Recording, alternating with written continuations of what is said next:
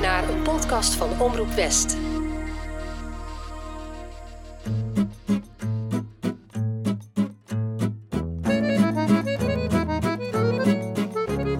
Bonjour, mijn naam is Tess en leuk dat je luistert naar Enchanté, de chanson podcast.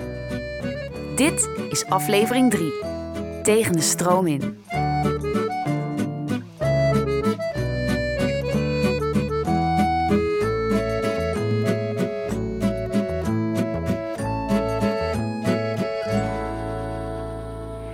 Ik ben mega blij. Hyper content. De populariteit van Franstalige muziek is in jaren niet zo groot geweest. Dat is, denk ik, onder andere te danken aan het programma van Matthijs van Nieuwkerk en Rob Kems en hun bevlogenheid. Uh, door het waanzinnige Voilà, waarmee Barbara Pravi in uh, 2021 net niet het Songfestival won.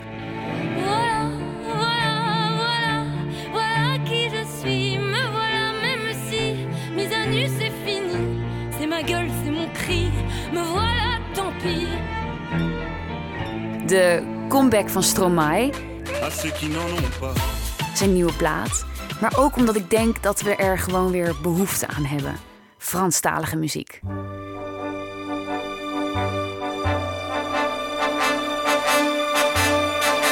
En steeds vaker als ik door Den Haag loop, hoor ik chansons.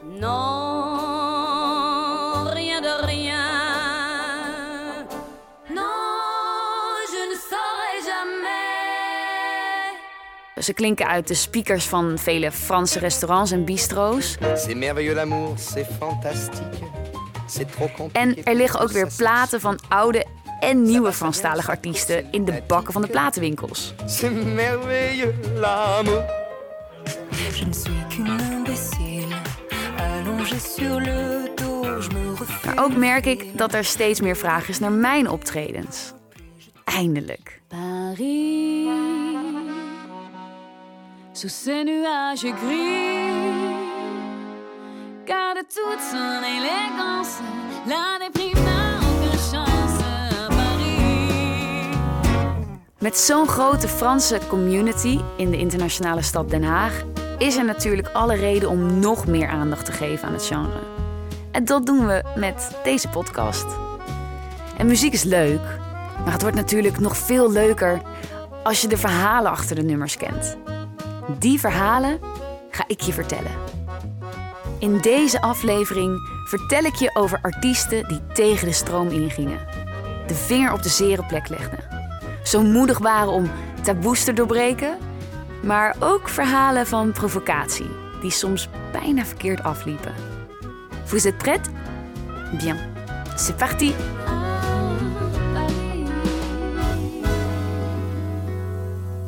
We beginnen met een quizvraag. In welk jaar werd de guillotine in Frankrijk voor het laatst gebruikt? Is dat A. 1777? Is dat B. 1877? Of C. 1977? Het goede antwoord is C. 1977. De guillotine, waarvan ik dacht dat het een puur middeleeuws apparaat was, was gewoon nog in gebruik toen mijn moeder stond te dansen op Dancing Queen van ABBA.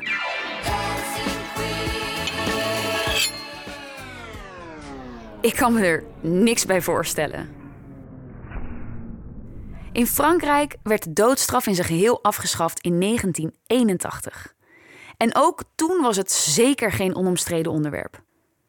Er tekende zich in die periode een onderscheid af tussen de mensen die voor en de mensen die tegen waren. Ook de muziekwereld, die na de opkomst van de protestliederen politiek een stuk meer geëngageerd was, bemoeide zich ermee. Terwijl Michel Sardou een nummer uitbracht met de titel Je suis pour, oftewel Ik ben voor, Je suis pour.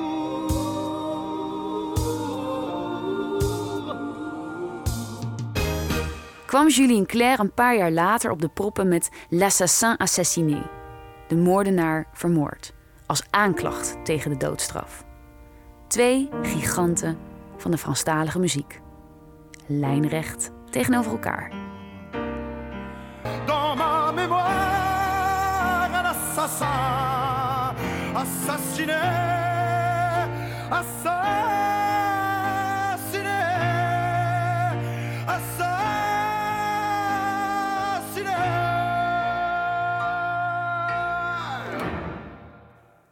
Let op, er volgen nu best heftige teksten. Tu as volé mon enfant. In Je suis pour zingt Michel Sardou over het lijden van een vader wiens kind is vermoord. De vader richt zich direct tot de moordenaar en vertrouwt hem toe: Je hebt mij mijn liefde afgenomen, mijn eigen bloed vergoten. Geen God zal me sussen. Je kunt bidden zoveel je wil, maar ik, ik wil je dood. Ik ben voor. Tu as tué l'enfant d'un amour. Je veux ta mort. Je suis pour.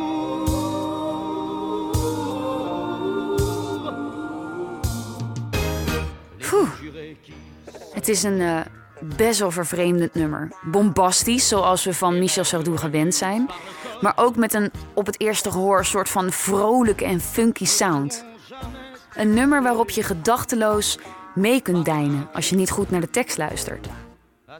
Je suis pour komt uit in 1976. Les philosophes. Precies op het moment dat Frankrijk in de ban is van de verschrikkelijke ontvoering en moord op de zevenjarige Philippe Bertrand. En het proces tegen de verdachte begint.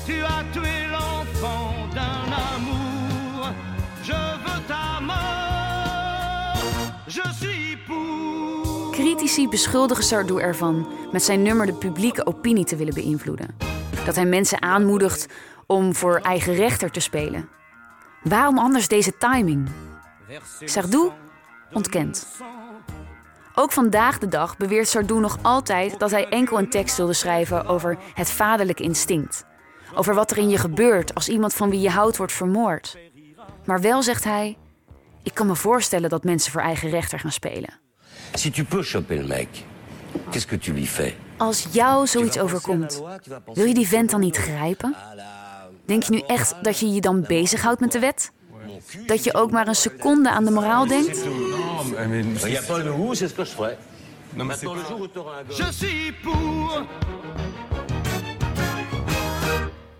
Pertinent tegen de doodstraf en het principe oog om oog, tand om tand is Julien Clerc. In een aangrijpend lied uit 1980 zingt hij, enkel begeleid door piano, over de doodstraf. Toen het mes viel, wisselde de criminaliteit van kant. Lorsque le couteau est tombé, le crime a changé de côté. Vanavond draag ik in mijn herinnering de vermoorde moordenaar.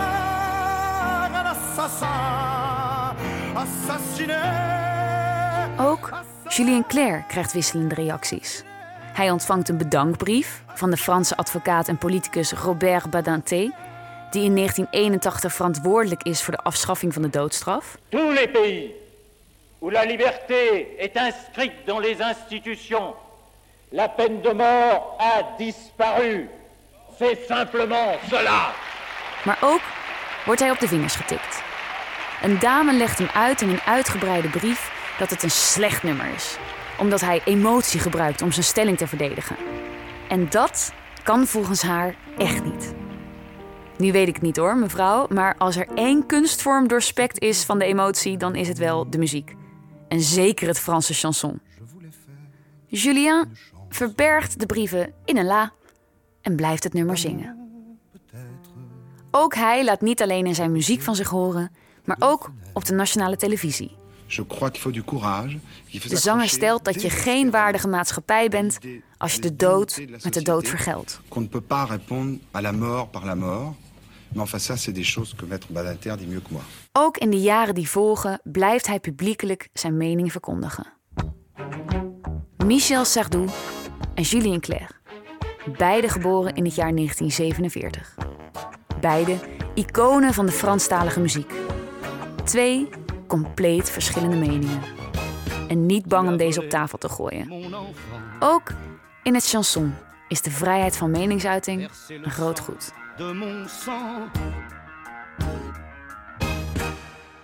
Je luistert naar Enchanté. En deze aflevering gaat over artiesten die tegen de stroom inzwommen. Tegen een politieke zaak ingaan is één ding.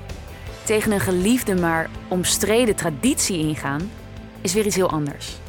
Het kan je in één klap minder populair maken bij de bevolking, die het ziet als onderdeel van de identiteit. Met Sinterklaas stuur ik hem een kaart.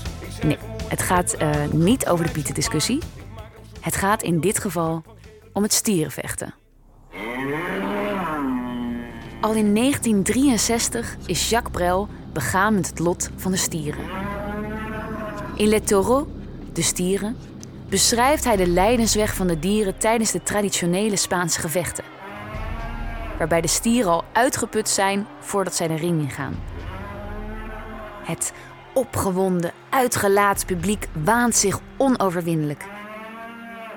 En Jacques Brel probeert de luisteraar aan de oneerlijke, ongelijke strijd te herinneren door de geschiedenis erbij te pakken. Weet u nog? De slagen om Carthago, Waterloo, Verdun? De stier maakt in deze situatie geen schijn van kans. Brels gedachten zijn dan ook bij het arme beest. Wie zal ons vertellen wat hij denkt, waar hij van droomt? Bien alors du trépas ne nous pardonnerait-il pas en pensant à Carthage, Waterloo et Verdun, Verdun. Bijna 30 jaar later, als het stierenvechten in de jaren 90 nog altijd onverminderd populair is, probeert Francis Cabrel de vragen van Brel te beantwoorden. Dat doet hij met het nummer La Corrida, het stierengevecht. Hierin beschrijft Cabrel het stierenvechten vanuit het perspectief van de stier zelf, die al uren in een donkere kamer zit opgesloten. Buiten hoort hij de geluiden van een feestende massa, zingende mensen. Dan wordt plotseling de deur ontgrendeld en het dier duikt de lichte dag in. Eerst is hij verward. Om hem heen ziet hij fanfares, barricades, een menigte. Hij denkt dat hij zich misschien enkel hoeft te verdedigen in geval van nood. Maar dan realiseert hij zich dat hij omsingeld wordt en dat de strijd eigenlijk al gestreden is. Dit is zijn Carthago, zijn Waterloo, zijn Verdun. Terwijl de stier tevergeefs vecht voor zijn leven, laat Cabrel gedachten door zijn hoofd schieten. Herinneringen aan Andalusië komen naar boven. Van de met cactussen omzoomde prairies waar de stier jong, gelukkig en vrij was. Maar ook zijn onbegrip. Waar komen deze figuren opeens vandaan? En waarom moet ik tegen ze vechten? Dat heb ik toch nooit geleerd? Wanneer de stier uiteindelijk bezwijkt en de mensen om hem heen dansen en lachen, denkt hij: hoe kan men zoveel plezier hebben rondom een graf? Cabrel had de inspiratie voor het nummer in eerste instantie niet per se bij Brel, maar put uit een eigen ervaring na het bijwonen van een stierengevecht in Bayonne. Op de terugweg naar zijn huis zet hij zijn auto aan de kant van de weg om de eerste woorden van het nummer in te spreken op zijn dictafoon. De tekst wordt verbannen naar de nog maar even kijken of we hier ooit nog iets mee gaan doen plank. Maar als de ervaring na drie jaar nog steeds door zijn hoofd spookt, besluit hij het af te maken. Pas dan voegt hij het terugkerende leidmotief toe. Est-ce que le monde est sérieux? Het chanson wordt opgenomen met medewerking van Nicolas Reyes. Van de Gypsy Kings, die de traditionele Spaanse zang aan het einde van La Corrida voor zijn rekening neemt. Hij neemt ons mee naar de vlaktes van Andalusië. Waar onbezorgde stieren beschutting zoeken tegen de hete zon. En dromen van vrijheid. De mensen die deze tradities omarmen en ze als onderdeel zien van hun identiteit, zullen niet heel blij zijn geweest met dit soort chansons. Ik heb online niet heel veel kunnen vinden over daadwerkelijk verzet vanuit de gemeenschap. Maar ik kan me goed voorstellen dat er luisteraars zijn geweest die zowel Brel als Cabrel na deze nummers links hebben laten liggen. Het roept bij mij altijd de vraag op in hoeverre het de taak is van een artiest of kunstenaar om iets aan de kaak te stellen. Ik heb mensen zichzelf wel eens horen afvragen: denken ze nu echt dat ze hier iets mee kunnen veranderen? Ik weet nu dat het juist aan de geëngageerde kunstenaar is om de eerste aardverschuiving te maken. Om de eerste ogen voorzichtig te openen voor iets waar we voorheen misschien blind voor waren. Een druppel op een gloeiende plaat? Ik denk eerder een druppel in een meer, die steeds grotere ringen veroorzaakt. Dankzij de vragen van Brel en het stierenperspectief van Cabrel worden wij als luisteraars in ieder geval bewust van de twee kanten van de medaille en uitgedaagd om zelf een mening te vormen. Wat we daar vervolgens mee doen, is aan ons.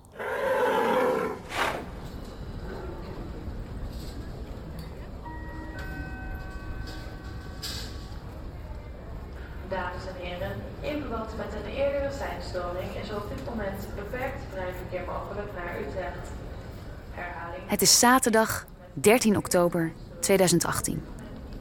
Ik stap de trein uit bij Amsterdam Belmer Arena en slalom door de menigte. Vanavond staat er iets moois op het programma. Mijn hoofd staat er alleen niet naar. Twee weken geleden, op 1 oktober, denderde verdrietig nieuws als een bulldozer de maan binnen. Chanson-icoon Charles Aznavour is overleden. Charles Aznavour est décédé. One of France's most popular singers, Charles Aznavour, has died. Une voix incroyable, un amoureux de la scène. Hij schreef meer dan duizend liederen en musicals, componeerde vaak zelf de muziek. Ik ben er nog niet helemaal van bekomen. Vanavond ben ik op de plek waar ik hem op 3 maart nog levender dan levend zag. Concertgebouw Avas Live in Amsterdam.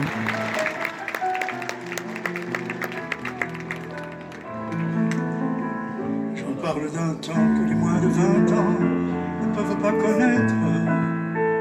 On m'apprend ce temps-là. Maar vanavond staat op het podium geen fragiele negentiger, maar een energiek dertiger. Een nieuw chanson-icoon. Chris. Héloïse Letizier. Oftewel, Christine and the Queens. De naam Christine and the Queens verwijst naar de drie drag queens waarmee Eloïse ooit op een avond door Londen doolde. Waar ze op haar eerste plaat Christine is, is ze op haar tweede plaat de androgyne Chris. De panseksuele zangeres, die dus valt op mannen, vrouwen en alles ertussenin, ziet gender als een fluïde gegeven. En laat zich dan ook niet vertellen hoe ze zich moet gedragen of kleden. Ik vind Christine en de Queens ongelooflijk stoer. En ook ongelooflijk goed. En ik ben niet de enige. Voor de ingang staat inmiddels een lange rij te wachten om naar binnen te gaan. Als ik aansluit en om mij heen kijk, zie ik echter een heel andere doelgroep dan die ik in maart nog bij Asnavoer zag. En ook een heel andere doelgroep dan die je bij een concert van, ik zeg maar wat, de Vrienden van Amstel Live zou zien. Ik zie in en in verliefde mannen hand in hand lopen, elkaar een zoen geven. Ik zie personen waarvan ik het geslacht niet kan vaststellen. Ik zie paradijsvogels die een kunstwerk van zichzelf hebben gemaakt. Ik dacht zo ruimdenkend te zijn, maar ik weet opeens niet meer waar ik moet kijken. En ik voel me ongemakkelijk door mijn eigen aandrang om mensen in hokjes te plaatsen.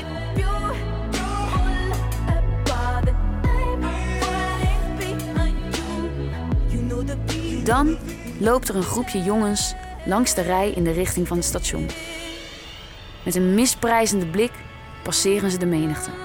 Een van hen mompelt een verschrikkelijke belediging naar de hoofden van de twee jongens voor me. En roggelt naast hen op de grond. Mijn medeconcertgangers en de jongens verblikken of verblozen niet. Maar ik schrik me kapot. Dit kan toch niet meer, anno 2018? We leven tegenwoordig toch in een inclusieve samenleving? Toch? Homoseksualiteit en transseksualiteit is in de vroege jaren van het Franse chanson niet helemaal taboe. Al in de Roaring Twenties, wanneer travestietenshows in Parijs een ongekende populariteit hebben, wordt erover gezongen. Maar altijd op een humoristische en in mijn ogen nogal laatdunkende manier. Door Marie Chevalier bijvoorbeeld.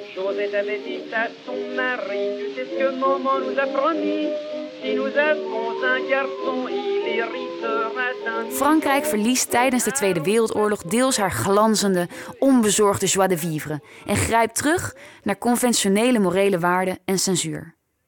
Zelfs in de vrije jaren 60, ten tijde van de hippiebeweging, tiert de homofobie welig.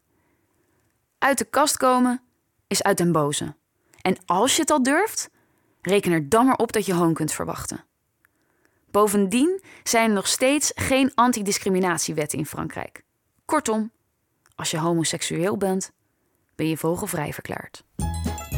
Weinigen durven hun handen te branden aan het onderwerp. Juliette Gréco neemt in 1970 het lied Le Pingouin op. On voit beaucoup de pingouins et beaucoup moins de Een aanklacht tegen homofobie.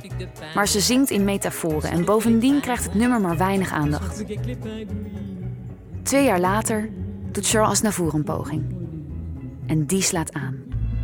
In de eerste twee coupletten van Comme il dise zingt hij vanuit het perspectief van een wat oudere jonge man die nog bij zijn moeder woont, voor haar zorgt en alle huishoudelijke taken op zich neemt. J'habite seul avec maman dans un très vieil appartement. De hoofdpersoon is de ideale schoonzoon, maar ook iemand waar veel mensen zich mee kunnen identificeren. Pas in het derde couplet wordt duidelijk dat de man een dubbel leven leidt. Je suis artiste. Wanneer een nieuwe dag wordt geboren, verwijdert hij zijn wimpers en zijn haar. Als een ongelukkige, vermoeide clown. Aznavour baseert het lied op zijn goede vriend Androuska, die samen met zijn witte kat van tijd tot tijd bij Aznavour logeert.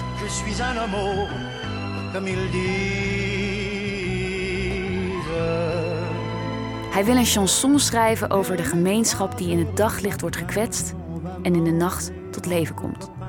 En denkt daarbij ook aan het lot van hun moeder, hun zus of andere mensen in hun directe omgeving.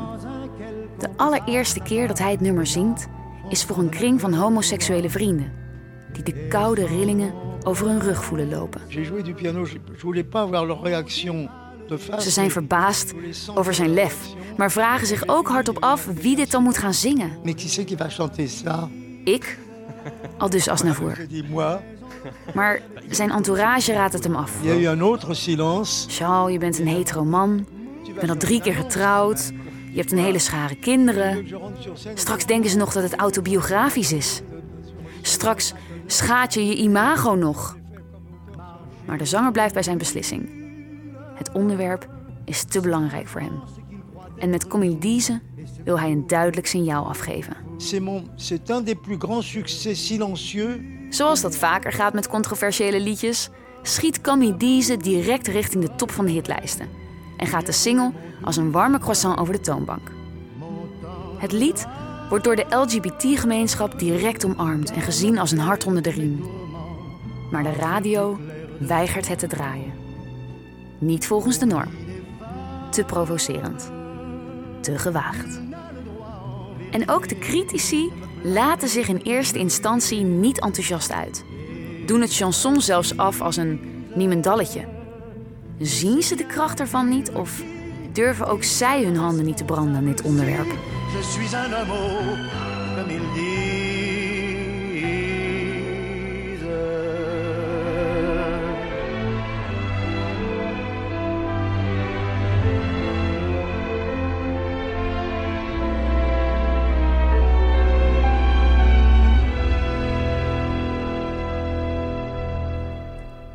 Maar de wereld verandert.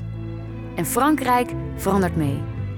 Vanaf 1985 worden er eindelijk antidiscriminatiewetten op de werkvloer ingevoerd.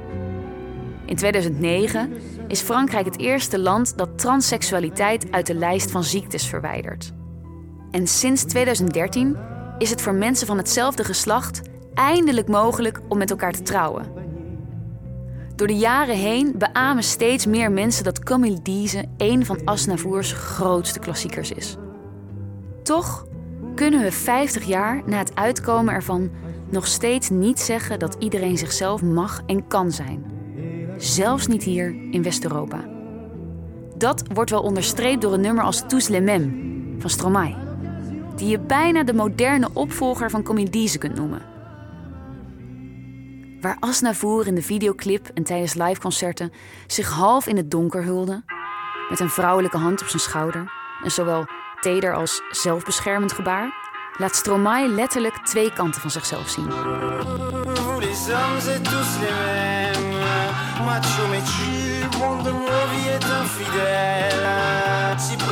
Twee kanten die er allebei mogen zijn. Ook tegelijkertijd. Als ik die avond in 2018 na een waanzinnig concert van Christine and the Queens Avas Live uitloop, realiseer ik me dat we er nog niet zijn. Dat ik er nog niet ben. Dat ik blijkbaar nog steeds de neiging heb om mensen in hokjes in te delen. Dat ik nog steeds een soort aandrang voel om twee hand in hand lopende mannen een bemoedigende blik toe te werpen als een soort bevestiging van hé, hey, het is oké. Ik hoop dat het over 50 jaar of liever eerder niet meer nodig is, omdat liefde nu eenmaal liefde is. En een leven een leven. Omdat diversiteit zowel een groot geschenk als de normaalste zaak van de wereld is. Ik ben ervan overtuigd dat Asnavour die boodschap wilde doorgeven.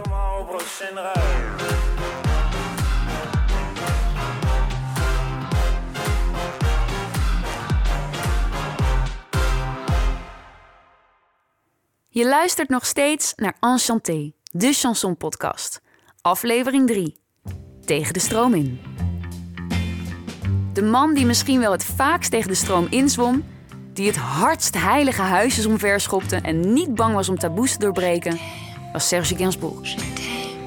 Het grote publiek kent hem waarschijnlijk het best van deze controversiële plaat met Jane Birkin. Maar stop. Precies dat nummer hoor je in de volgende, iets erotischer getinte aflevering. In 1979 is Gainsbourg al lang geen onbekende meer in de Franse artiestenwereld. Toch zint iets hem niet. Zijn liedjes waar hij zelf eigenlijk niet zo heel erg veel aan vindt, worden hits en krijgen uitgebreide aandacht, zoals zijn Sea, Sex and Sun. Maar zijn meest diepgaande werken laten meuten links liggen. Gefrustreerd gooit hij het roer om. En hij neemt het Franse chanson mee naar waar het op muzikaal en geografisch vlak nog nooit eerder is geweest. Jamaica. De bakermat van de reggae. Op dat moment supernieuw, superpopulair en volgens Gainsbourg zelf ongeëvenaard revolutionair. In hoofdstad Kingston aangekomen, omringt hij zich voor de opname van zijn nieuwe album met de meest vooraanstaande muzikanten uit de scene. Zo zijn de bekende reggae-producers Sly en Robbie van de partij, maar ook de achtergrondzangeressen van Bob Marley. De titel van de plaat luidt Aux etc. Naar de gelijknamige nummer 2 op het album. Het onderwerp van dit verhaal. Want aux armes, te wapen. Zijn dat niet de eerste twee woorden van het Franse volkslied? La Marseillaise? Yep. Even een opfriscursus nodig? Zo klinkt het Franse volkslied. Allons enfants de la patrie, jour de gloire est arrivé. Maar Gainsbourg pakt het iets anders aan. Zijn versie vangt aan met opgewekte percussieslagen. Om dan lang uit in een lome maar strakke reggae beat over te gaan. Na een intro waar ook een orgel doorheen danst, duikt de rokerige stem van Gainsbourg op. In een nonchalant parlando draagt hij het eerste couplet van het volkslied voor. Je hoort hem bijna zijn schouders ophalen en tussendoor een sigaret opsteken. In het refrein komt Bob Marley's koor voorbij. Geen groots aangezet Aux armes citoyens, prenez les bataillons. Nee, enkel te wapen, etc. En nu terug in je hangmat. Als de song uitkomt, is het direct een groot succes. Hij stijgt tot bovenaan de hitlijsten en in dat jaar worden er meer dan 80.000 singles van verkocht. Het album levert Gainsbourg overigens ook meteen zijn allereerste gouden plaat op. Finalement. Maar niet iedereen staat te juichen om de geboorte van deze track. Sterker nog, in juni 1979 wordt er een vernietigend stuk geschreven in Le Figaro, waarin de journalist Gainsbourg ervan beschuldigt met zijn nummer het antisemitisme aan te wakkeren. En terwijl de populariteit van het nummer bij het publiek toeneemt, laten ook steeds meer tegenstanders van zich horen. Gainsbourg wordt bedolven onder brieven waarvan de inhoud varieert van teleurgestelde reprimandes van beledigde patriotten tot regelrechte doodsbedreigingen. Gainsbourg zelf snapt de hysterie niet. Serge Gainsbourg, la Marseillaise en reggae, c'est pas un peu de la provocation Je pense pas. Je pense que le reggae, c'est une musique révolutionnaire. La Marseillaise est une- un chant révolutionnaire. Reggae is een revolutionair genre. En La Marseillaise is een revolutionair lied. Niet meer dan logisch dat hij die twee met elkaar verbindt, zegt hij. Maar de zure criticasters voelen zich gekrenkt in hun Franse identiteit en zijn niet overtuigd. En het loopt zelfs zo uit de hand dat de artiest een signeersessie in Marseille moet afzeggen omdat militaire verenigingen dreigen met verstoring. Het dieptepunt komt in 1980 als de band met een tour Straatsburg aandoet. Die dag wordt er een bommelding gedaan in het hotel waar de muzikanten verblijven. In de hele omgeving staat politie opgesteld. Iedereen is in opperste paraatheid. De band besluit dat het te gevaarlijk is om die avond het podium te betreden en het concert wordt op het allerlaatste moment afgelast. Het is zelfs zo last minute dat de zaal al is volgelopen. De eerste rij is echter gevuld met opgehitste ex-parachutisten. Die kosten wat kost willen voorkomen dat Gainsbourg ook nog maar één keer hun geliefde volkslied door het slijk haalt. Met zijn respectloze versie. Gainsbourg stapt furieus het podium op. In zijn eentje. Hij gaat voor de microfoon staan en vertelt het publiek hoe zijn muzikanten, helemaal overgekomen vanuit Jamaica, uiteraard niet meer durven op te treden vanwege die dreiging. Maar dat hij de rebel is die de Marseillaise juist zijn oorspronkelijke betekenis heeft teruggegeven. En dat hij het volkslied graag, nu ze toch niet meer gaan optreden, maar hij er toch is, met alle aanwezigen zou willen zingen. Hij steekt zijn vuist in de lucht en zet het volkslied a cappella in. Allons, enfants de la patrie, le jour de gloire est arrivé. Al gauw volgt de hele zaal, inclusief de compleet verbouwereerde ex-militairen op rij 1, die direct in de houding gaan staan. Het is het moment dat de dreigingen aan Gainsbourgs adres eindelijk stoppen.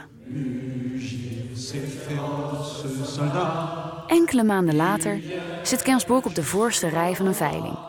Een beetje onderuitgezakt, lang grijs haar, een spijkerbroek, een grote zonnebril op zijn hoofd en een sigaret in zijn hand. Oh, en een stropdas om, want dat is verplicht bij een veiling. En commençant à 40 000 francs. Het item dat onder de hamer gaat, het originele manuscript van La Marseillaise. Daterend uit 1783 en geschreven door Rouget de Lille. 115 000, 120 000, 125 000, 130 000, 145 000. Het bieden loopt flink op. Maar uiteindelijk weet Gainsbourg het document te bemachtigen voor een schamele 135.000 frank.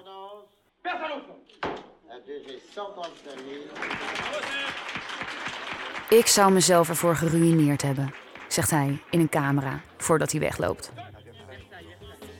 In het originele manuscript staat La Marseillaise uitgeschreven zoals het door de schrijver bedoeld is. Het eerste couplet, het eerste refrein, het tweede couplet en dan, bij het tweede refrein, om een lamme schrijfhand en ruimtegebrek te voorkomen, aux armes, etc. Maar Serge's provocaties waren niet altijd heldhaftig, nobel en met een mantel der liefde en waardering te bedekken. Hoewel ik hem enorm bewonder om zijn geniale kijk op de muziek, wil ik ook een belangrijke kanttekening maken. Gainsbourg zocht niet alleen de grenzen op binnen de muziek. Hij overschreed ze ook daarbuiten. En dan heb ik het niet over een briefje van 500 frank dat hij live op televisie in de fik stak. Een op dat moment illegale daad. Om zijn frustratie over het Franse belastingstelsel kracht bij te zetten. Waar hij flink wat stappen te ver gaat en wat tegenwoordig, hoop ik, serieus een halt toe zou worden geroepen, zijn zijn openlijke beledigingen aan het adres van vrouwen. Live op televisie zelfs. Zo noemt hij zangeres en actrice Catherine Ranger een hoer, recht in haar gezicht. Maar net zo tenenkrommend en misschien nog wel tenenkrommender is het moment dat een compleet beschonken Gainsbourg Whitney Houston beledigt. Het begint nog een soort van netjes. De zanger geeft haar een, uh, een handkus en noemt haar geniaal. Maar zijn bewondering, gecombineerd dus met zijn dronken staat, gaat al snel een compleet verkeerde kant op. I said I want to fuck her. Hij raakt haar aan in haar nek, gaat met zijn hand door haar haren en zegt vervolgens in iets andere en veel grovere bewoordingen dat hij het bed wel met haar zou willen delen. Non, non, non, non, non, non, non, non. Non, il a dit ça, mais ça lui arrive de temps en temps. voyez. Je peux pas vous traduire ce qu'il a dit. Il a dit, j'aimerais bien vous offrir des fleurs. Pas du tout, j'ai dit, je Non, voudrais bien l'apaiser. Il, nee, il a dit, il a dit. Whitney is op dat moment nog maar 22 jaar en natuurlijk helemaal van haar apropos. De presentator probeert de boel op een ja, achteraf gezien super tamme manier nog een beetje te sussen. Gainsbourg biedt zijn excuses aan, lallend, terwijl hij haar nog steeds blijft aanraken. En niemand grijpt in. Niemand. Gainsbourg overleed in 1991 aan een hartaanval. Maar stel je voor dat hij nu nog geleefd had. Dan zou hij nu in de 90 zijn geweest. Ik vraag me echt af of hij dan nog steeds de cultfiguur zou zijn geweest die hij nu ruim 30 jaar na zijn overlijden is in de harten en hoofden van velen. Zeker nu er steeds meer aandacht is voor grensoverschrijdend gedrag. Gainsbourg ging echt heel veel grenzen over. En dat zou vandaag de dag, denk ik, niet meer worden geaccepteerd. Het kan maar even gezegd zijn. Tegen de stroom ingaan, provoceren, is niet altijd iets positiefs. Vroeger was alles beter? Nou, echt niet. Ook vandaag de dag wordt er nog steeds genoeg prachtige en te gekke Franstalige muziek gemaakt. Elke aflevering tip ik daarom nieuwe liedjes binnen het thema. En meer dan ooit zijn er nu artiesten die een statement durven te maken. Ook als ze daarmee tegen een paar zere schenen schoppen en wat volgers verliezen. Door hun geëngageerde muziek zetten ze het werk voort van de chansonzangers en zangeressen die hem voorgingen. Numero 3. Au placard, mes sentiments. Oshi met Amour Censure. Ik hoor zelf wel eens mensen zeggen dat we tegenwoordig ontzettend tolerant zijn. Nou, vraag dat maar eens aan de jonge zangeres Oshi. In haar nummer Amour Censure vraagt ze zich af of er ooit een einde komt aan alle haat en de beledigingen wanneer twee mensen van hetzelfde geslacht van elkaar houden. Het nummer was blijkbaar een goede aanleiding voor mensen om haar via sociale netwerken te bestoken met allerlei homofobe opmerkingen. Gelukkig kreeg ze heel erg veel steun van andere artiesten en haar fanbase.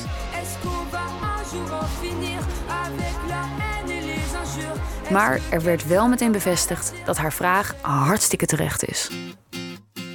Numero 2. Le ciment dans les plaines coule jusqu'aux montagnes. Poison dans les fontaines, dans nos campagnes. De cyclones. Yannick Noah, Aux arbres citoyens. Nee, dus niet Aux armes citoyens, maar Aux arbres citoyens, zingt Yannick Noah in zijn hymne aan ons klimaat. Hij roept iedereen op om een steentje bij te dragen aan een betere toekomst voor morgen. Nou, dat betekent niet meteen dat je veganistisch hoeft te worden of enkel nog op fietsvakantie hoeft te gaan of kinderloos te blijven om bij te dragen aan het klimaat. Alle beetjes helpen en wees je gewoon bewust van je ecologische voetafdruk. Dat is de boodschap.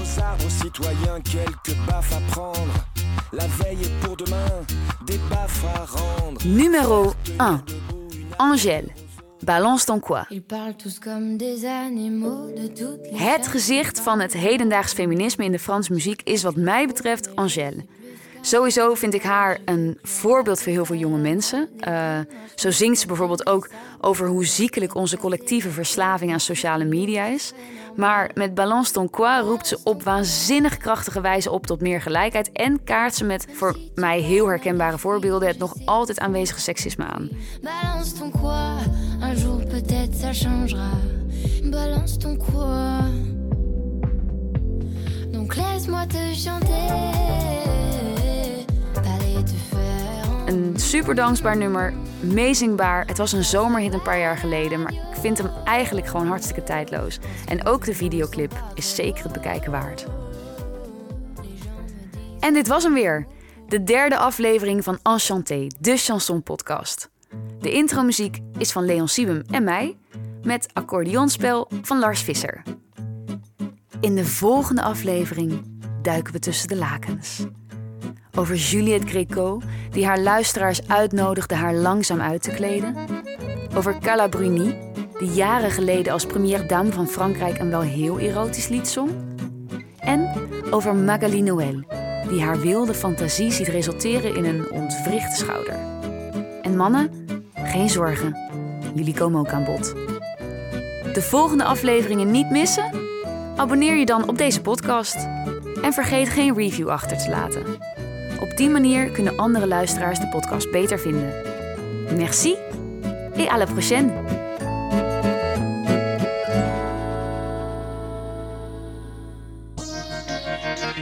Dit was een podcast van Omroep West.